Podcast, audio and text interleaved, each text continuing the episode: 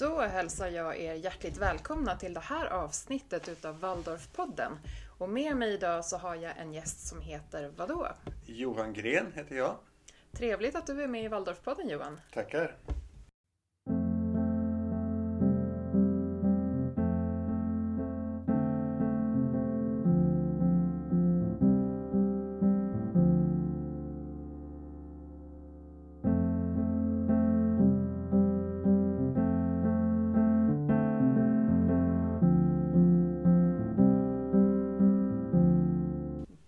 Hälsar jag er återigen då välkomna till det här avsnittet utav Waldorfpodden och med mig idag som sagt så har jag Johan Gren och vi sitter ju här på Waldorflärarhögskolan i Bromma. Vill du berätta Johan när du kom i kontakt med Waldorfpedagogik för första gången? Ja, eh, det är en, en fråga som förstås kan ha ett kort svar. Men nu tänkte jag ta lite längre svar då och titta tillbaka. För att där jag växte upp, jag växte upp i Karlstad och där fanns det överhuvudtaget inte någon Waldorfpedagogik alls. Och finns fortfarande egentligen inte i Värmland, väldigt, väldigt lite. Men eh, ungefär när jag var 18 år, eh, hade varit, levt ett år i USA. När jag kom hem så började jag med olika vad ska man säga, meditationer och så. Då, då kom jag att träffa eh, en grupp med människor som eh, studerade många olika kan man säga, esoteriska läror. De höll på med meditationsövningar och så. Och eh, där så fanns det också de, de hade läst någonting av någon som heter Steiner. Och intressant för er som känner till, en av de här personerna var Bo Dahlin. Som ju sen blev professor och nu jobbar, eh, har jobbat här på VLH till viss del. I alla fall. Men, så att då mötte jag det här namnet Steiner. Jag mötte någonting, det fanns lite grann om Waldorfpedagogik sådär men eh, det var långt ifrån min horisont då. Eh, men eh, intresset för den här typen av frågor levde kvar och eh, fördjupades med åren. Och så småningom så kom jag att bo uppe i Delsbo. Och, och, och där mötte jag ju liksom Waldorfskolan.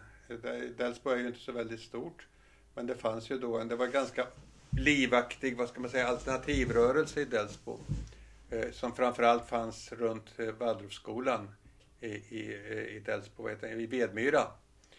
Eh, och det var till och med så att det fanns två Waldorfskolor i, i lilla Delsbo. En i Vedmyra och en på Staffansgården. För de hade lite olika inriktning då. Och där mötte jag då Waldorfpedagogiken. Och sen blev det liksom riktigt aktuellt när jag fick egna barn. Eh, då bodde jag i Örebro. Och eh, våran dotter då skulle börja i, i Waldorfskolan i Örebro. Och eh, det gjorde hon då och sen, jag jobbade som homeopat. Eh, och det gick väl sådär både och. Men i alla fall så var det så att eh, hennes fröken Elisabeth Sjöborg, hon blev sjuk. När framåt jul där, i november, december någonting, så blev hon sjuk. Och då hade jag en situation, jag fick frågan liksom, kan du hoppa in och hjälpa till? Det var ju så, det låter ju konstigt, men det var så liksom det gick till ganska mycket på den tiden. Att man, man började, för det fanns liksom inte möjlighet att gå Waldorflärarutbildning för de allra flesta. Det fanns ju seminariet i Järna, men det fanns ju ingen deltidsutbildning och det fanns liksom ute i landet så utbildades man under det att man gick liksom, jobbade sig fram till utbildningen. Så att jag, min karriär började att jag hoppade in där som vikarie under någon vecka. Och sen så fick jag något slags uppdrag där på skolan och så, så växte det hela. Får jag bara fråga då, var det när skolan låg i Bista, alltså utanför Örebro, eller var det när den låg i Adolfsberg?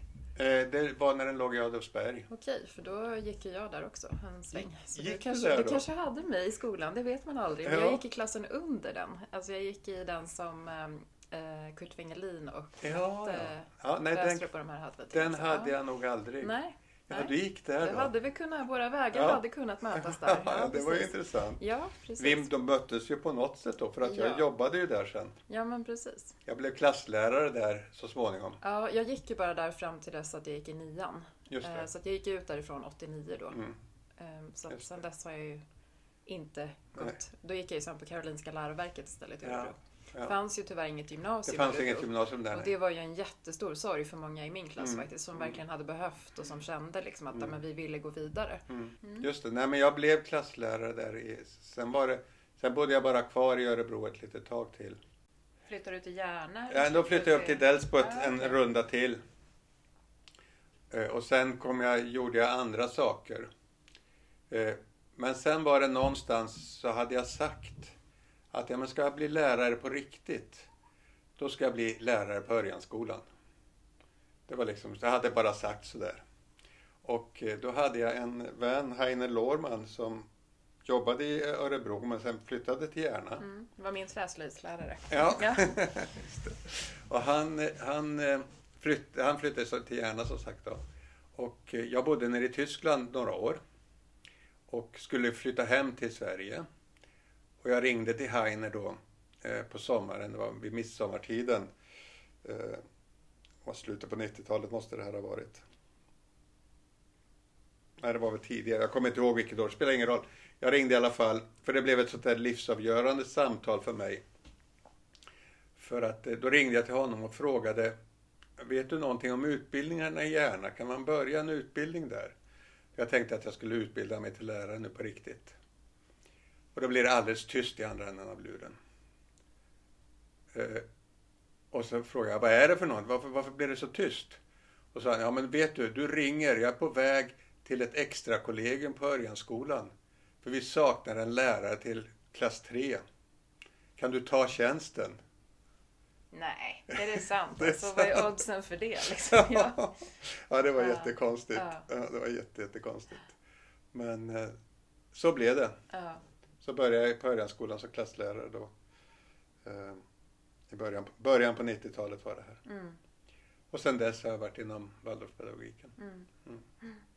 Ja, men då var vi kanske i Tyskland samtidigt då, för tack vare Heiner så åkte jag också nämligen till Tyskland och var där. Okej. I ett och ett halvt år var jag där. Jaha. För att han hade jobbat i Ottersberg i norra Ja. Tyskland. Mm. Eh, Så då bodde jag i Ottersberg Jaha. eh, och gick på den skolan där Heiner hade jobbat. Jaha, Och, ja. eh, ja, men jag var där i ett och ett halvt år och sen Ja. så flyttade jag tillbaka hem till Örebro igen då. Ja. Men kunde tenta av tyskan och det här är jag Heiner evigt tacksam för. för att jag kunde verkligen Ja. tenta av tyskan på gymnasiet och sen Ja. dess har jag också jobbat som auktoriserad Stockholmsguide och guidat på tyska och. Så Ja, att ja.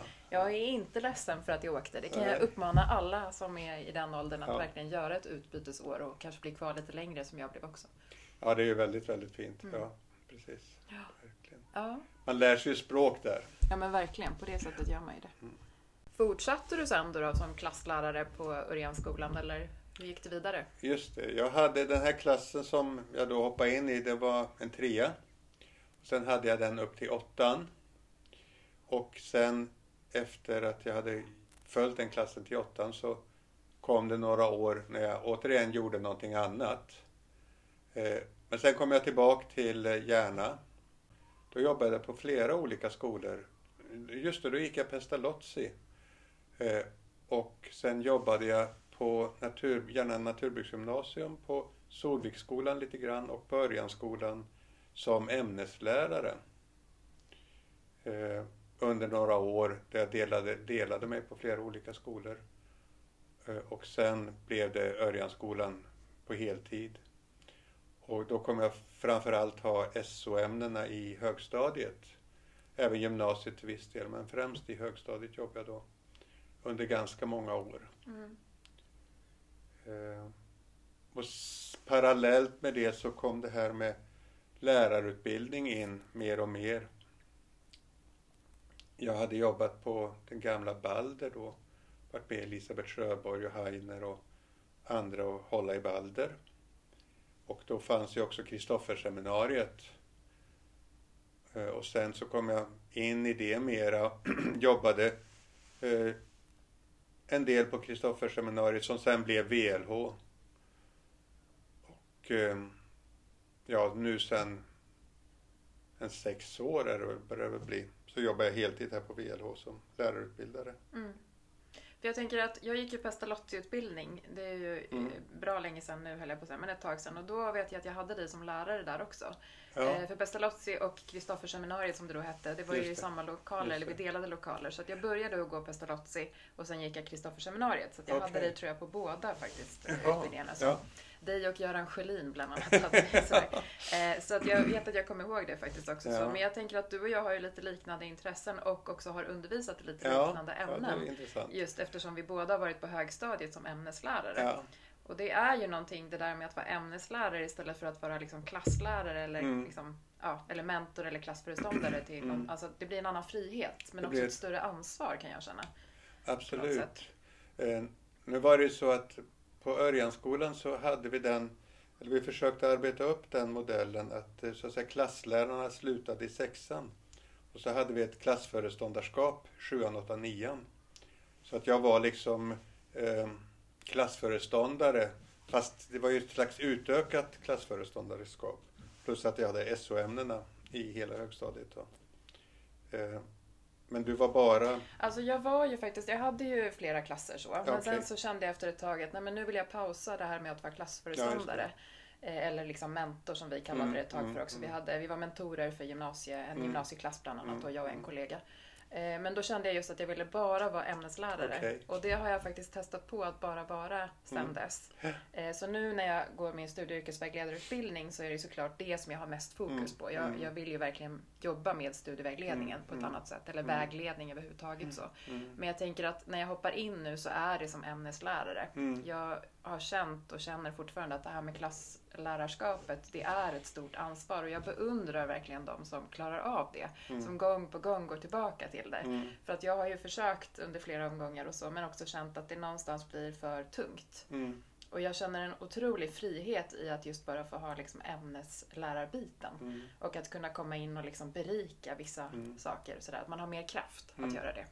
Ja, det är väldigt fint det där med när man så att säga, har ett ämne att, att kunna få möjligheten att specialisera sig och gå på djupet och få kunskaper och eh, ha någonting som man liksom verkligen kan förmedla till eleverna. Eh, det är ju någonting väldigt, vad ska man säga, vackert med att uppgiften.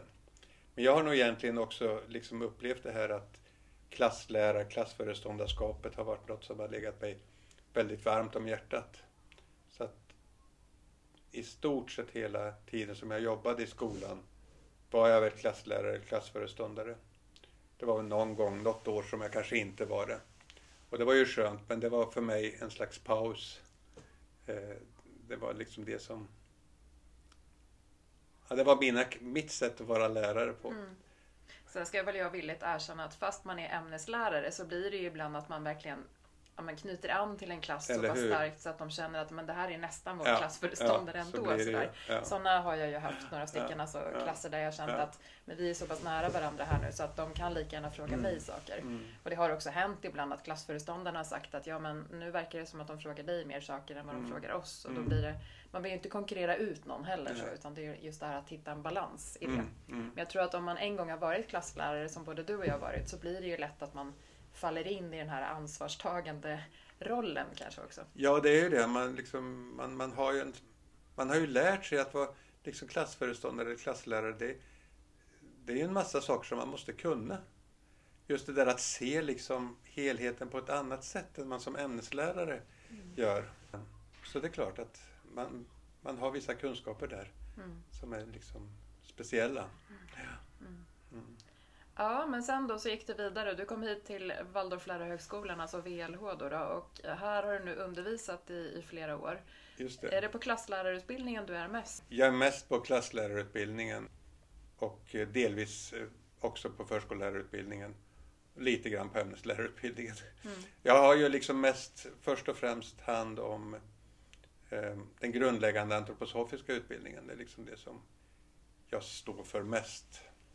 Jag kan bara säga en sak, med eh, att börja på VLH här nu den här gången.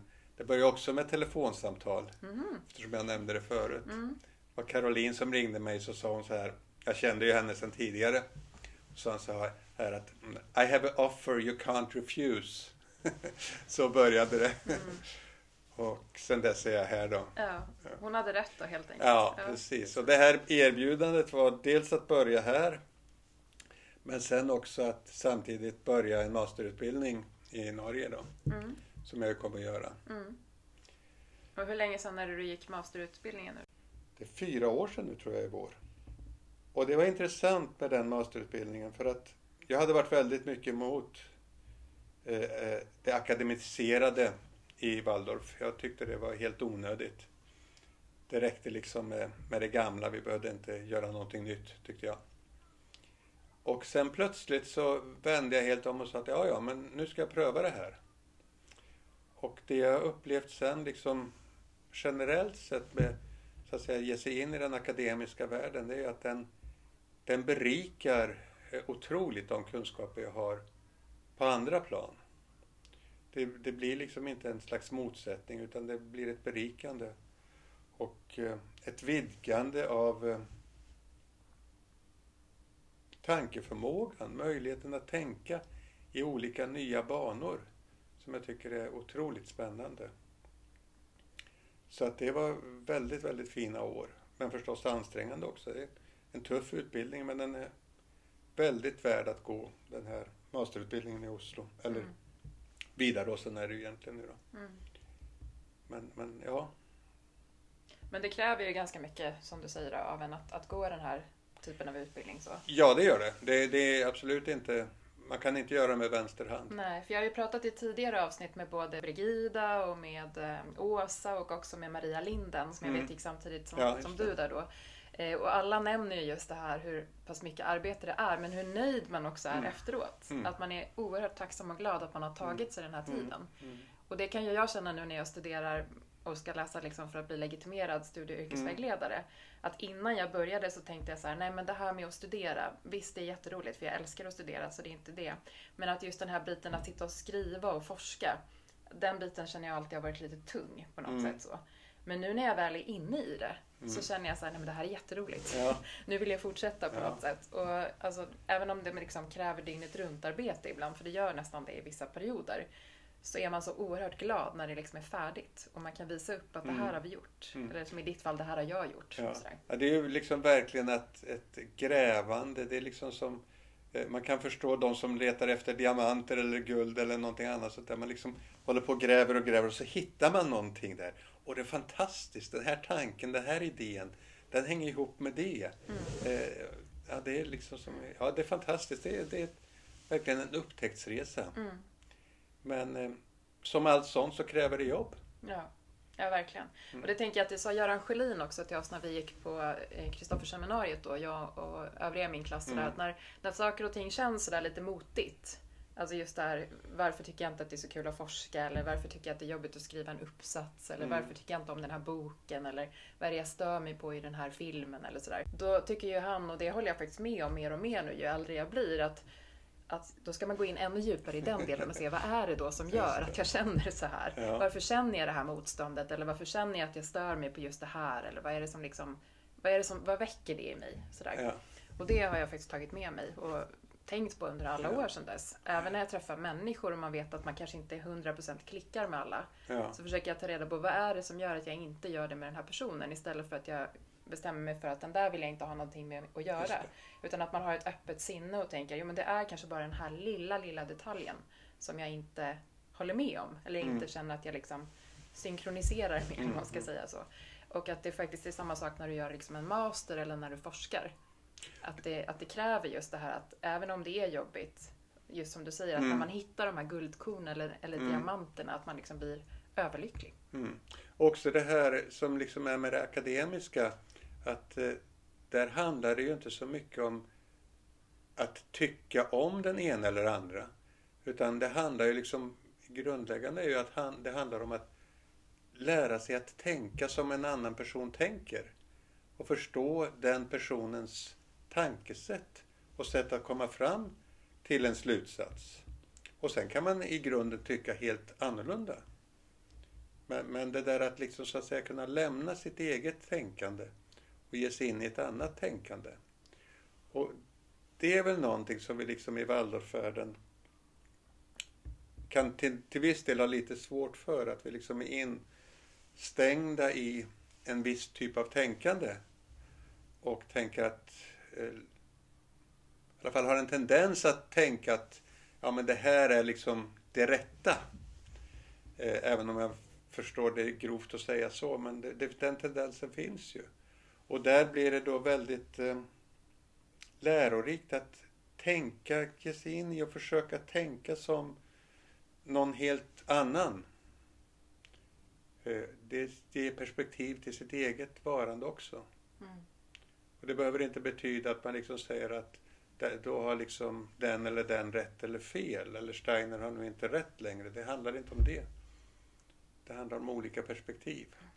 Precis det här som du säger nu, det pratar ju jag och min gäst om som är i avsnittet innan ditt. Jaha. Eh, exakt om det här, för att hon har ju liksom inte alls lika mycket insyn i Waldorfpedagogiken Mm. som du och jag kanske Mm. har, framförallt du i det här fallet känner jag. Eh, och att vi på något sätt, vi tar saker för givna Mm. inom Waldorfvärlden eller inom liksom, Mm.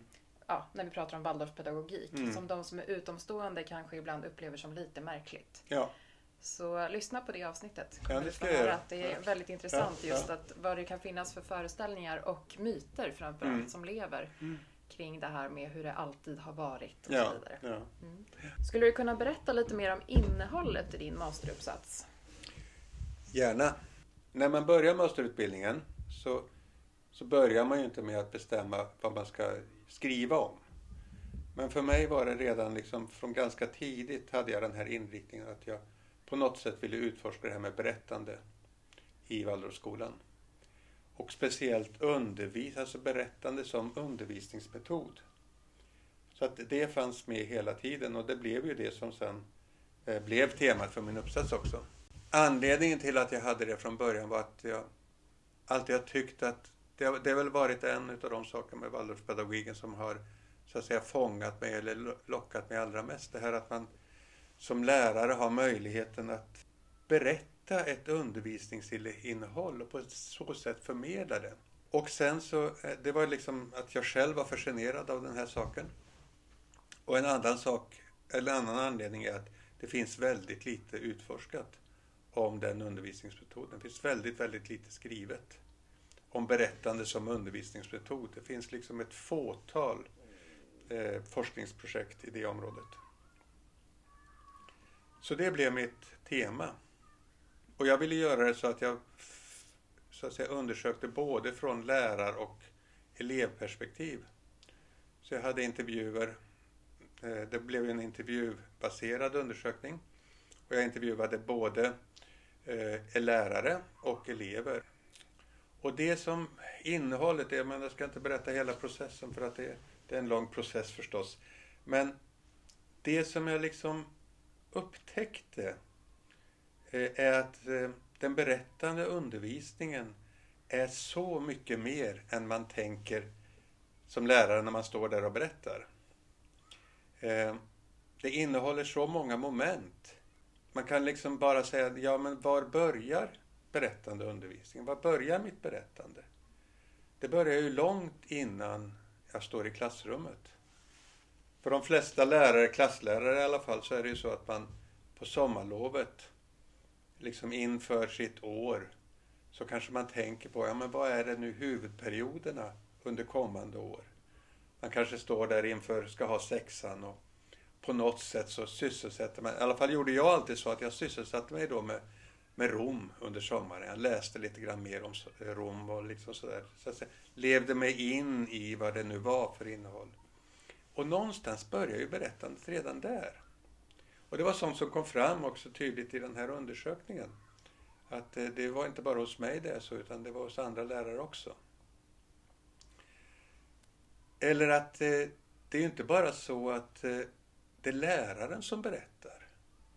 Utan klassrummet är med och berättar ganska mycket. Hur rummet är gestaltat. Det var något eleverna, de elever jag intervjuade, tog fram att liksom, ja men hur det ser ut har betydelse. Vart läraren står visar sig att har betydelse eh, för berättandet. Jag tänkte på det, under Waldorf 100 där Ja. så var ju du med och just höll ett föredrag om det här med ditt, alltså Mm. ditt masterarbete och om berättandet. Mm. Och då vet jag att jag nämnde ett exempel för dig, för jag var ju med och var konferencier Ja. där. Och då vet jag att jag sa till dig att jag, just det här med berättandet, hur viktigt det kan vara. Mm. Eh, Jag gav ett exempel på att jag i en av mina klasser, som jag faktiskt då var klasslärare för, sådär, Mm. eh, så hade jag haft geografiundervisning och Mm. berättat om hela Sverige Just det. eh, landskap för landskap. Och till slut så är det en pojke då längst bak i klassrummet som ropar rakt ut. Vi måste hyra en buss. Vi måste åka runt till de här platserna som du har berättat om. Där berättandet liksom slår an en ton Ja. På något sätt som gör att man inte bara kommer in i ett berättande utan att det också leder vidare till någonting mer. Mm. Fick du fram någonting kring det liksom så när du skrev också? Ja, absolut. Alltså, man kan ju se att eh, kanske den allra viktigaste saken som jag fick fram var ju det att berättandet för eleverna har liksom olika, eller hur deras upplevelse, både för eleven och läraren, har liksom olika stadier, steg. Att eh, berättande, den berättande undervisningen börjar så att säga i klassrummet. Den börjar som ett samtal. Den börjar kanske med att eh, läraren säger att ja, idag ska vi berätta då om ett, kanske Jämtland. Eh, och eleverna vet det kanske från igår att ja, men imorgon ska fröken berätta om Jämtland. Eller någonting sånt. Och så säger man det. Nästa steg är ju så att säga att man börjar det här berättandet. Och då beskriver lärarna i, i min undersökning att då börjar någonting uppstå som kan liknas vid ett rum. Det börjar hända någonting, man, man så att säga börjar skapa en slags rumslighet eh, som man berättar i. Eh, de säger så här, lärarna, att ja, men jag upplever att jag har eleverna med mig. Eh, eller de är inne i, i berättandet. De lyssnar, jag ser att de lyssnar. Kan man se att någon lyssnar, kan man ju undra. Men, men det är ju liksom så de säger. Och också eleverna säger liknande saker. Att eh, det är som att komma in i någonting. Så då är man liksom inne i ett slags berättarrum. Och det är, vad ska man säga, ett slags steg två i, i det här berättandet. Sen kan ett, en, ett till steg komma. Och det är att man eh, upplever att man, man förlorar. Man tappar rummet helt och hållet. Man kommer helt in i berättelsen. Alltså vart man är, man förlorar sin plats där man sitter och man är bara helt inne i berättelsen. Ett exempel var en lärare som beskrev då, hon beskrev en sån här situation. Eh, det var hon berättade i klass 5 om eh, en strid i Grekland. Det var mellan greker och perser. Och eh, grekerna till slut, hon berättade och berättade det här och grekerna till slut vann den här striden. Och så blev det liksom alldeles tyst i klassrummet och sen började eleverna applådera. Och, och då var det så, liksom, hon sa så här då att, och det var inte åt mig de applåderade utan de applåderade ju grekernas seger. Och de hade liksom suttit där för 2500 år sedan och sett på den här striden och sett att grekerna vann. Och så är ju liksom berättande undervisning en, en metod som gör att man faktiskt har den här bussen. Som du talade om. Mm. Man åker faktiskt runt. Man kan åka till andra platser. Man kan komma någon annanstans. Mm. Och, och det är en fantastisk metod. Mm. Som också har sina eh, svårigheter då. För att det är en så stark metod. Ett sådant problem som jag kan ta fram då, det, det kom inte fram i min undersökning, det hörde jag någon annanstans ifrån. Det var en, en lärare, det här var en, hände i en engelsk skola så att ingen svensk ska känna sig anklagad. Men det hände i England och den här läraren berättade väldigt entusiastiskt om pingviner. Och de här pingvinerna var liksom så han berättade och berättade, det var helt fantastiskt. Och så till slut så fäller pingvinerna ut vingarna och börjar flyga. Och ja, pingviner flyger ju inte, men det, det är ju det som är faran, eller så att säga en, en svårighet med det här, att man i berättande undervisning har jag som lärare en otrolig förmå- möjlighet att ta eleverna till olika platser, övertyga dem om olika saker. Och där har jag också ett väldigt ansvar för vad jag säger. Så det blir också någonting som blir ganska tydligt i, i min undersökning. Jag tänker på det också att när jag har undervisat i historia, Mm. jag tycker jättemycket om teater och spelar gärna teater själv men har också framförallt satt upp många pjäser med klass 8 och klass 12. Då då. Mm. Och ibland så har jag också iscensatt det här berättandet Mm. ehm, och låtit liksom eleverna, alltså jag berättar först, Mm. så här såg scenariot ut, det här hände och allting sådär. Eh, och då eleverna ibland har skrikit rakt ut. Nej, nej, ni kan inte stanna nu liksom. Vi måste ha fortsättningen. Och då är jag så här, ja, jag kommer imorgon. Nu har vi en cliffhanger här liksom så. Men då har vi ibland också iscensatt det. Och då har jag också varit med om att det blir så verkligt för eleverna. Framförallt vet jag att en gång så kände jag att Karl XII och slaget vid Halden Mm. att det kan bli väldigt tjatigt och tråkigt att berätta på fel sätt. Så då Mm. tänkte jag men vi testar och visar här i klassrummet Mm, hur det här mm. faktiskt skulle ha kunnat varit som ett scenario. Mm. Och också de då som var uppe där, apropå Jämtland, Mm. som skulle gå över bergen och så där, Just det. in i Norge. Och också när de blev kvar i Norge och inte visste vad ska vi göra nu, för han var ju död. Sådär. Och då vet jag att vi också var så inne i det vi gjorde och det blir också ett slags berättande Ja. kan man ju säga. Så att eh, jag spelade Karl XII och jag hade mina mannar och jag- de var ju uppe i Jämtland och ett helt gäng där uppe liksom satt i andra änden av klassrummet och jag var såhär, ni måste vänta på order liksom, den kommer komma sådär.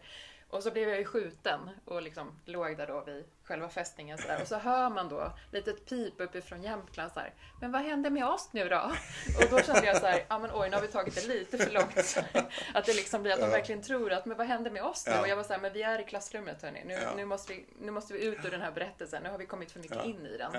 Och då var jag såhär, nej men tyvärr så blir det så att ni sitter där och väntar i tre månader och så blir det vinter och så tänker ni att nej men vi går hem. Och så fryser två tredjedelar av er ihjäl uppe på berget. Liksom, så, ja, det är inte bra. Liksom, så så då kan man också känna att berättandet, just som du säger, Ja. kan ibland ta sig liksom uttryck som ibland kan gå lite för långt för att de känner att de är så inne i det. Ja.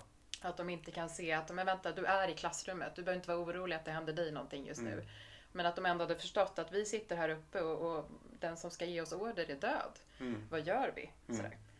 Precis, eh, precis så. Och Det, det, där skriver ju då flera teoretiker, andra, några som har gjort forskat i det här området, eh, som beskriver det där att eh, den är en amerikansk eh, kvinna som skriver om att i, i så att säga i berättandets värld, när man kommer in i den världen som du beskriver, så där är den verkligheten som den världen är, verklig. Alltså de här eleverna upplever verkligen att de sitter någonstans uppe i Jämtland. Och vad ska nu hända? Eh, för det vet vi alla att läser vi en saga eller läser vi eh, ja, läser vi en saga, i sagan så kan jättar finnas på riktigt. Och i, för eleverna, det, det blir en väldigt stark upplevelse, precis som du säger. Och, och eh, en lärare som jag intervjuade då, hon, jag, hon beskrev det här just med historiskt berättande. Att då blir det ju väldigt viktigt att man har på fötterna.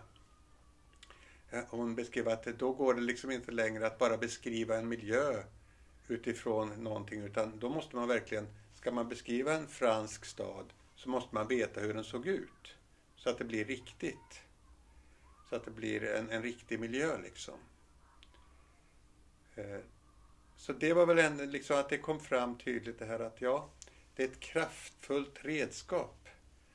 Eh, och som alla kraftfulla redskap kan det felbrukas eller missbrukas. Och vi vet ju många starka berättare som också har missbrukat berättandets konst. Liksom i politiska eller ännu värre eh, ändamål. Mm. Ja, verkligen. Och sen kan jag också känna ibland, apropå just det här berättandets konst, om jag ska koppla det till det som jag och Åsa pratar om, nämligen hur barn läser. Mm. Eller vad barn läser lite grann också sådär. Eh, som hennes master handlar om. Mm. Eh, så kan jag känna att då får man ju bilder, inre bilder i huvudet av liksom det du Mm. läser eller av berättandet. Men ibland så har man ju också scenarion som till exempel i årskurs 9 då när man berättar om andra världskriget. Och så har eleverna sett någon film där Mm. de inte kan få den ur huvudet och, Mm. och säger att ja, men så här så, så måste det ha Mm. varit. Och säger man så här, ja kanske inte riktigt så. Mm. Därför att det här är någonting som en regissör eller en, Mm. en grupp har tagit fram som manusförfattare och så. Ja. Men ibland kan det också stämma väldigt bra filmerna ska man lägga till också. Så att då är det ju klart att de kan se vissa filmer och man känner att men det här är trovärdigt. Så. Mm. Men ibland kan det där, precis som du säger, att beskriva den där franska staden. Att Mm. ibland kan också förförståelsen finnas på ett sätt som gör att det blir svårt för dem att få bort de bilderna. Mm. Mm. Och inte kan skapa sig egna bilder. Mm. Mm. Och de bilder som vi ger är, det är liksom starka. De är betydelsefulla. Och eh, jag menar, berättande undervisning är en fantastisk metod. Otrolig metod. Mm. Som jag vill värna på alla sätt. Mm. Ja, verkligen. Och berättandet är ju som jag känner också en konst faktiskt. Mm. verkligen. Mm. Och det är inte alla lärare som behärskar Nej. berättandets konst. Nej. Men det finns ju kurser att gå om Ja. man känner att man vill Mm. lära sig mer om just berättande. Absolut. Och det, det var ju inte alls en del utav min undersökning. Liksom, lite grann frågade jag lärarna så där om hur kom de in, hur, lär, hur lär de, hur förvandlar de eh, så att säga det tryckta historien till en berättelse och så vidare. Eh, men det var inte huvudmålet för det som jag undersökte. Nej. Undersökte du någonting kring det här med hur man håller spänningen uppe?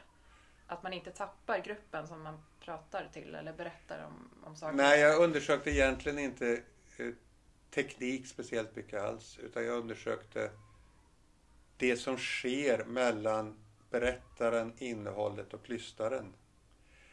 Och det var ju också intressant. Eh, flera av de elever jag talade med beskrev att de var med och skapade berättelsen. Eh, de beskrev, det var speciellt en som beskrev så här att ja, men berättelsen händer ju liksom mellan mig och läraren. Den liksom studsar till, fram och tillbaka. Och hon upplevde helt och hållet att hon var med i sitt lyssnande och skapade det som berättades. Och det beskriver ju läraren också att, eh, så att säga, berättelsen händer ju i samspel med eleverna. Och emotionell lyhördhet. Eh, nu kommer jag inte ihåg vad hon, hon som har tagit fram det begreppet, men hon beskriver just det här samspelet. Och sen forskare som beskrev berättande i en förskola eller en småbarnsgrupp.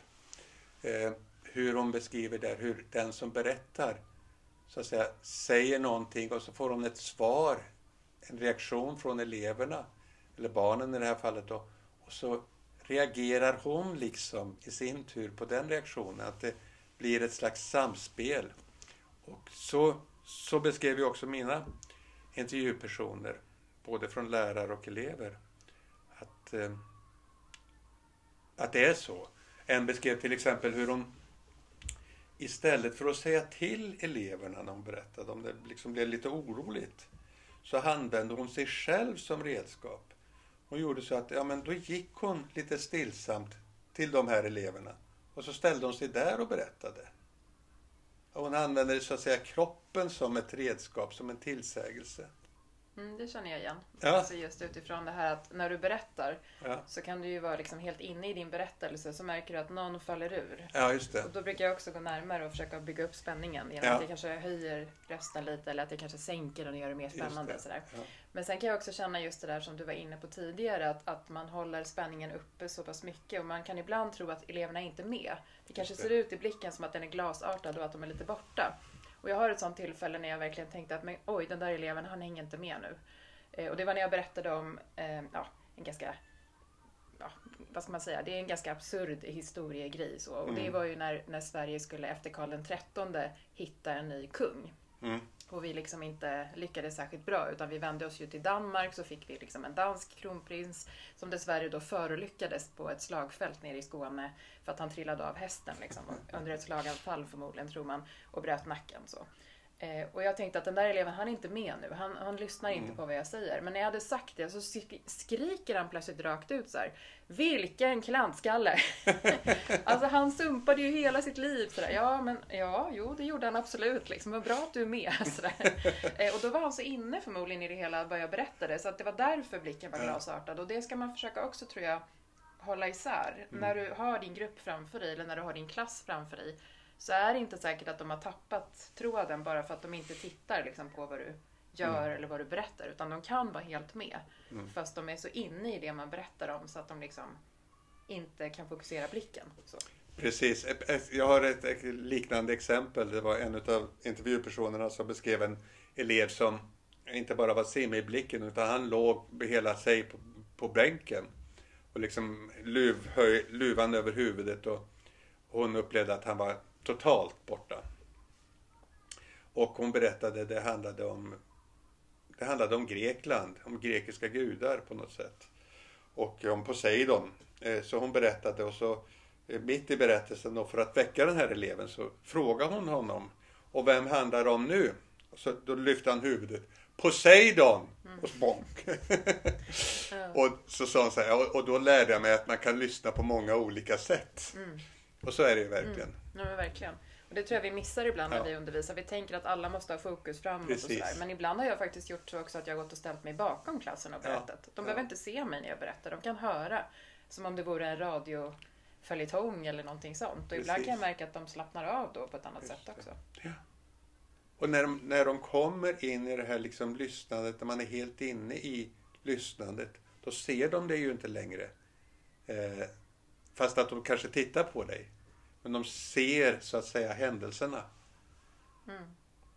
Ja men precis. Jag har en sån sista grej som jag verkligen kommer ihåg och det var, jag berättade också för ett par nyår för många, många år sedan är det här nu, som jag hade om Lovisa Ulrika och, och hennes liksom inflytande på svensk historia och ja, men hur de påverkade Gustav III och hela liksom, ja, men vårt kulturliv verkligen Mm. så. Och eh, ett par år senare så åkte jag ner med samma klass till, eh, när de gick på gymnasiet, så åkte vi ner till Berlin och besökte Potsdam Mm. och besökte slottet där. Och inne i någonting som heter Snäcksalen, eller egentligen på tyska säger man Muschelraum, men det är som en snäcksal kan man säga då. Där hänger plötsligt ett porträtt på Lovisa Ulrika och då har det gått nästan fyra år sedan jag berättade det här. Mm. Och ändå skriker de, alltså de i klassen som är där, det är hon, det är hon! Vem då? Liksom sådär. Ja men det är hon du berättade om när vi gick i nian och jag var sådär, hur kommer ni ihåg det här? men då var det också just för att de verkligen hade fastnat för att hon till exempel sa att Sverige var kulturellt efterblivet. Ja. Och det tyckte de var verkligen höjden av liksom fräckhet att hon sa det, men det var ju så. Ja. Och samtidigt också att där plötsligt är hon liksom konkret Mm. på en tavla i den här salen och har bott i det slottet. Mm. Och då blev det så starkt för dem på något vis. där. Så Ja. det kan också hända att man kommer ihåg berättelser fast liksom i Ja. efterhand. Så. Det är väl verkligen ett exempel på hur djupt den här undervisningen kan verka. Ja, verkligen. Ja. Avslutningsvis nu då, nu har vi suttit här och pratat om berättande och vi har pratat om hur du kom i kontakt med Waldorfpedagogik och, och lite sådana gemensamma nämnare som vi har och sådär. Men nu undervisar ju inte du barn och ungdomar så mycket längre utan nu är det ju fokus på de som är vuxna. Hur känner du kring det? Ja, eh, det är också väldigt spännande. Det är väldigt roligt att har fått den möjligheten att så att säga hitta en ny, helt ny position som lärare. Eh, så det är jag väldigt glad över. Eh, det är väldigt annorlunda att undervisa vuxna och samtidigt är det förstås likartat. Men en, den största skillnaden till att börja med det är att alla sitter och lyssnar. Och eh, man vet inte om de tycker om det man säger.